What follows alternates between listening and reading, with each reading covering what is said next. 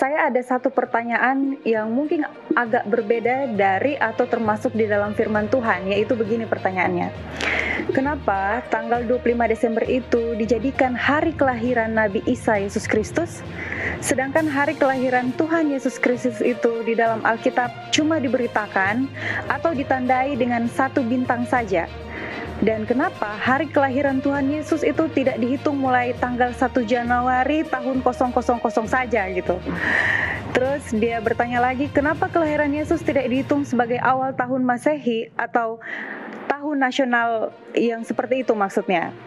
Jadi kalau di sini dia mencontohkan kalau untuk tanggal dan tahun Imlek itu dihitung mulai bulan semi tahun hari pertama, bulan pertama itu hari kelahiran Cilaihut, mulai dihitung untuk tahun Imlek. Nah, gimana pendeta?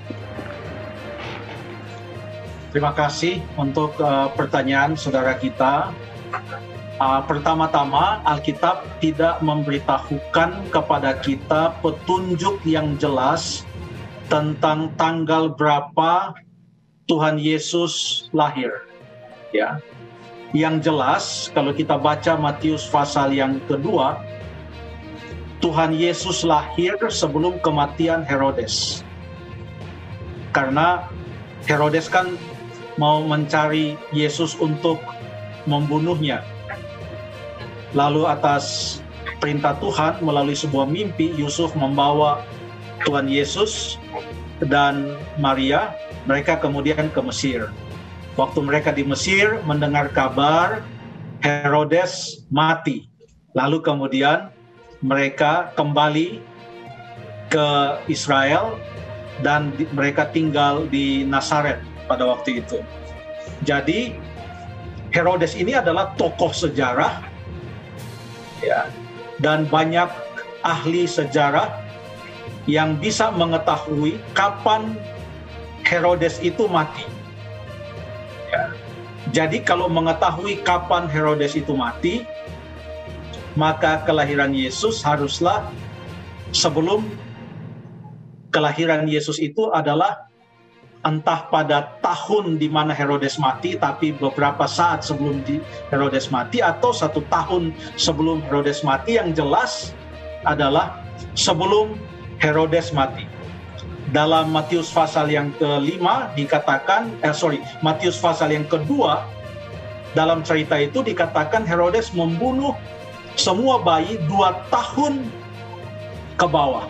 Seakan memberikan petunjuk bahwa kurang lebih Herodes memperhitungkan tahun di mana orang-orang Majus itu datang, lalu kemudian memberitahukan tentang kelahiran Yesus, tapi ia merasa diperdaya Demikian kata Matius pasal 2 ayat yang ke-15 sampai 18, ia diperdayakan oleh orang-orang Majus itu lalu dia membunuh semua bayi-bayi yang ada di Bethlehem itu yang usianya di bawah 2 tahun. Jadi Tuhan Yesus lahir sebelum Herodes mati.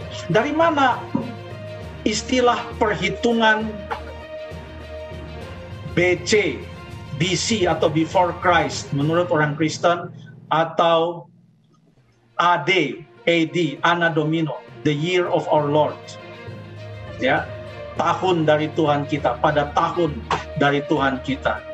Yang biasa digunakan dalam buku-buku sejarah untuk membagi apa yang terjadi sebelum Yesus dan apa yang terjadi sesudah Yesus. Dan itu membuat kelahiran Yesus adalah merupakan pemisah antara peristiwa-peristiwa sebelum dan sesudahnya di dalam penanggalan.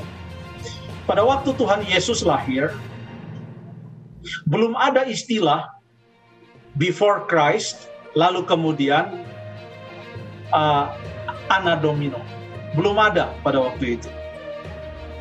Sudah ada kalender, yaitu kalender yang dibuat oleh Julianus, atau kalender Julian, Julian Calendar, tetapi belum ada istilah BC atau AD, atau dalam istilah lain adalah common era atau before common era. Belum ada pada waktu itu. Istilah BC dan AD ini ternyata baru ada pada abad yang kelima atau abad yang keenam. Seorang yang bernama Dionysius Exigus, seorang biarawan pada waktu itu yang mendapatkan tugas untuk boleh membuat sebuah kalender yang lebih tepat dan dia mengambil suatu perhitungan entah bagaimana dia menghitung dia mengatakan konsul Roma yang hidup pada saat itu adalah hidup pada tahun 525 setelah the incarnation of the Lord atau setelah inkarnasi Tuhan yang adalah setelah kelahiran Yesus. Jadi konsul Roma yang ada pada saat itu menurut Dionysius Exigus hidup pada tahun 525 AD. Dari situlah muncul istilah AD dan BC. Tetapi kemudian para ahli sejarah menghitung kembali cara perhitungan dari Dionysius dan Exigus dan menemukan bahwa ternyata ada sedikit uh, selisih tahun di mana kalau mau mengikuti istilah dari Dionysius Exigus ini maka kelahiran Tuhan Yesus itu bukan pada tahun 1 AD. Uh, ngomong-ngomong tidak ada tahun 0 jadi setelah tahun 1 BC adalah satu adalah tahun 1 AD. Jadi perhitungan tahun itu bukan 1 BC lalu kemudian tahun 0 lalu kemudian tahun 1 AD. Yang ada adalah tahun 1 BC lalu kemudian tahun 1 AD. Jadi ternyata setelah dihitung kembali berdasarkan tahun kematian Herodes, Herodes meninggal pada tahun 4 BC. Jadi kalau Herodes meninggal pada tahun 4 BC, tidak mungkin Tuhan Yesus lahir pada tahun 1 AD karena Tuhan Yesus lahir sebelum kematian Herodes berarti harusnya tahun 5 BC atau mungkin tahun 6 BC tetapi telah disepakati oleh banyak ahli sejarah Walaupun ada beberapa pendapat lain bahwa ia lahir pada tahun 4 BC sebelum kematian Herodes. Jadi itu ditentukan setelah itu waktu dikata waktu saya katakan ditentukan artinya dikasih label. Kan tanggal ini kan label untuk hari yang ada. Waktu itu berjalan untuk setiap waktu dikasih label ini adalah tanggal sekian bulan sekian dan label BC dan AD itu bukan ada pada saat Yesus lahir. Setelah Tuhan Yesus lahir, beberapa abad setelah itu baru ada istilah itu. Nah, sekarang kalender Masehi yang diikuti oleh dunia internasional adalah mengikuti kalender Gregorian yang diperkenalkan oleh Paus Gregory yang ke-13 pada tahun 1582. Pada tahun itu ada sedikit penyesuaian yang dilakukan oleh Paus Gregory yang ke-13 terhadap kalender Julianus atau Julian Calendar yang sudah diikuti berabad-abad lamanya sejak abad pertama sebelum Tuhan Yesus beberapa puluh tahun sebelum Tuhan Yesus lahir. Kalender Julian sudah mulai digunakan. Dan diadakan penyesuaian oleh Paus Gregory yang ke-13 sehingga disebutkan sebagai Gregorian Calendar. Lalu ada yang bertanya, wah kalau ada penyesuaian berarti hari-hari yang sekarang ini wah sudah dira, tidak di uh, sudah bisa bisa kita ragukan dong dia punya kepastian. Jangan-jangan yang kita berbakti sekarang hari Sabat bukan hari Sabat, tapi jangan sampai sudah Senin atau Selasa seharusnya karena penyesuaian dari uh, Gregorian calendar itu. Saudara sekalian, yang disesuaikan itu adalah tanggalnya atau label pada hari itu atau label untuk hari tertentu. Bukanlah hari itu yang disesuaikan. Tanggalnya yang dipotong, hari tidak dipotong. Mengapa? Karena menurut beberapa catatan, saudara bisa baca ini banyak di internet, Wikipedia pun menyebutkan keterangan seperti ini, uh, bahwa perubahan itu terjadi dengan memotong 10 tanggal, bukan memotong 10 hari loh, memotong 10 tanggal.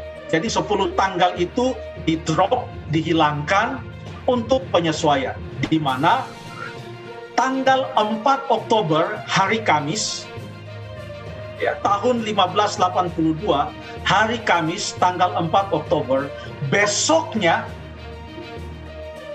hari Jumat harinya tetap berurutan besoknya hari Jumat tapi tanggalnya sudah dipotong 10 tanggal jadi bukan lagi tanggal 5 Oktober besoknya tapi besoknya adalah tanggal 15 Oktober.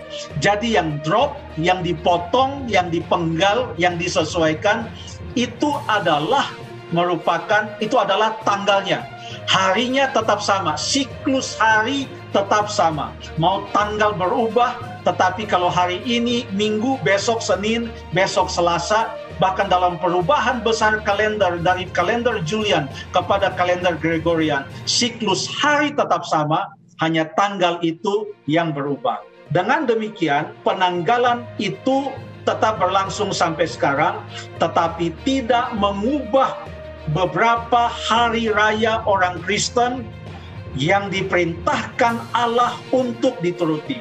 Salah satu di antaranya adalah Sabat Sabat tidak berubah, tetap hari yang ketujuh dan hari ketujuh itu sekarang sampai sekarang adalah hari Sabtu. Perintah hari Sabat itu tidak dipengaruhi dengan dipotongnya 10 tanggal pada tahun 1582.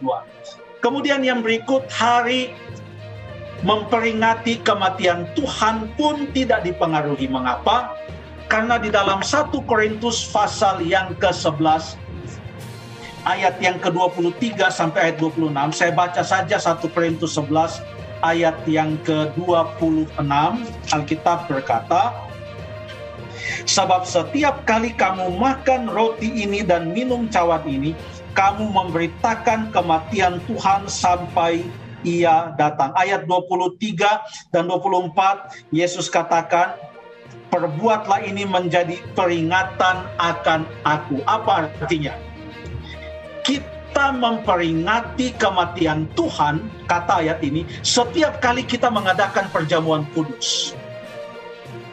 Jadi ayat ini bukan menentukan tanggal berapa kita memperingati perjamuan memperingati kematian Tuhan, tetapi ayat ini mengatakan bagaimana kita memperingati kematian Tuhan. Bukan tanggal berapa, tapi bagaimana kita memperingati kematian Tuhan. Saya baca sekali lagi, setiap kali kamu makan roti ini dan minum cawan ini, yaitu acara perjamuan, perjamuan Tuhan, kamu memberitakan kematian Tuhan atau memperingati kematian Tuhan sampai ia datang. Sekali lagi, kita memperingati kematian Tuhan setiap kali kita mengadakan perjamuan kudus, bukan sebaliknya. Bukan sebaliknya bahwa setiap kali kita memperingati kematian Tuhan pada tanggal tertentu, maka kita mengadakan perjamuan kudus. Itu terbalik.